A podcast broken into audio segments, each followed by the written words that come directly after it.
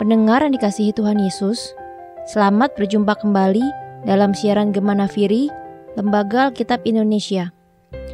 Firman Tuhan yang akan kita baca dan renungkan bersama diambil dari Perjanjian Lama, Hakim-hakim pasal 6 ayat 1 sampai 10.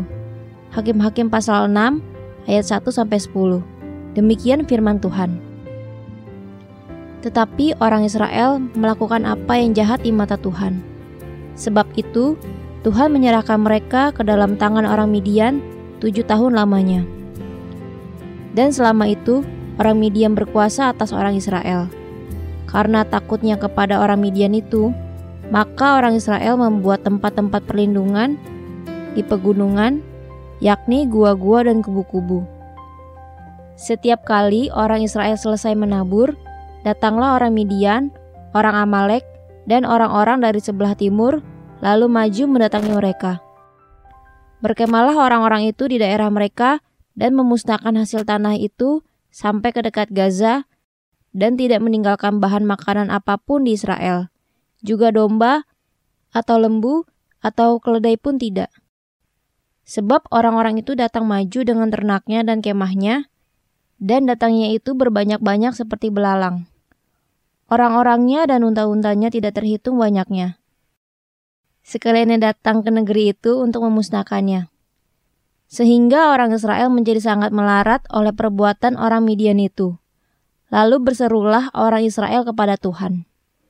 Ketika orang Israel berseru kepada Tuhan karena orang Midian itu, maka Tuhan mengutus seorang nabi kepada orang Israel yang berkata kepada mereka, Beginilah firman Tuhan, Allah Israel. Akulah yang menuntun kamu keluar dari Mesir dan yang membawa kamu keluar dari rumah perbudakan.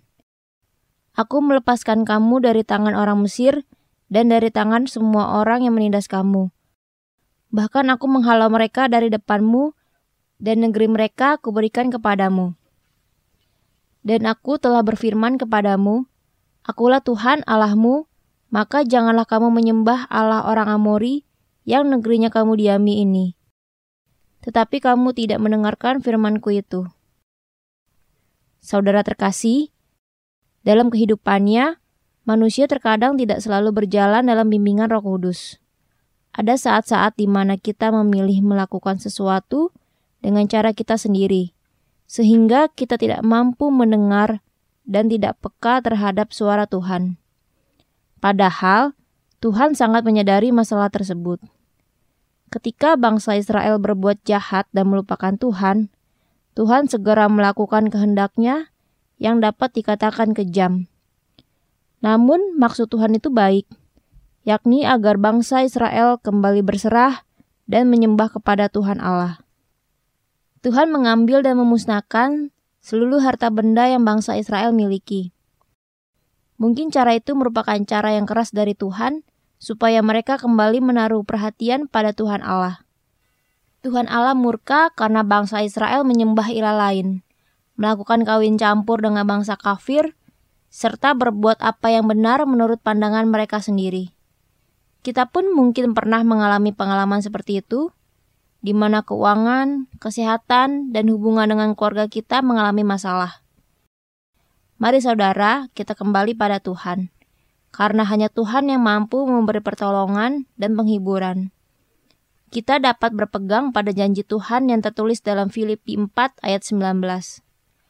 Allahku akan memenuhi segala keperluanmu menurut kekayaan dan kemuliaannya dalam Kristus Yesus.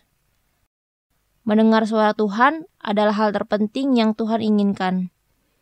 Cara lain yang diterapkan Tuhan untuk mendapatkan perhatian kita adalah dengan membuat kita merasa gelisah. Ada saat di mana kita tidak mampu lagi mengerjakan tugas pekerjaan sehari-hari karena dilanda perasaan gelisah dan tidak tenang. Hal tersebut bisa saja merupakan cara Tuhan agar kita kembali berlutut, berseru, dan berdoa padanya. Dalam ketidaktenangan itu, kita perlu berhenti sejenak dan bertanya kepada Tuhan. Bukalah hati dan pikiran kita untuk mendengar suara Tuhan. Cara lain Tuhan untuk mendapat perhatian kita adalah melalui doa yang tidak terjawab. Ini merupakan waktu yang tepat untuk memeriksa keadaan rohani kita di bawah penerangan Roh Kudus. Doa kita tidak dijawab Tuhan bisa karena kita memohon dengan alasan yang salah, karena kita tidak taat padanya, atau memohon sesuatu yang bukan kehendak Tuhan. Tuhan ingin agar kita lebih bergantung dan memperbaiki motivasi doa yang mungkin hanya untuk kebaikan diri sendiri saja. Melalui sebuah tragedi atau sakit penyakit dan penderitaan, Tuhan ingin agar kita senantiasa bergantung padanya bukan hanya pada pengetahuan dan materi yang kita miliki. Saudaraku, Tuhan tidak menerapkan cara yang sama pada setiap umatnya. Ia mengetahui dengan tepat cara apa yang ia gunakan agar kita kembali berserah dan bergantung padanya. Ia selalu rindu agar kita senantiasa datang kepadanya dengan hati yang tulus. Dengan demikian, marilah kita pulihkan hubungan pribadi dengan Tuhan untuk mewujudkan kasih Tuhan kepada orang-orang di sekitar kita. Karena kita telah memperoleh kasih Tuhan terlebih dahulu. Tuhan Yesus memberkati kita semua. Amin.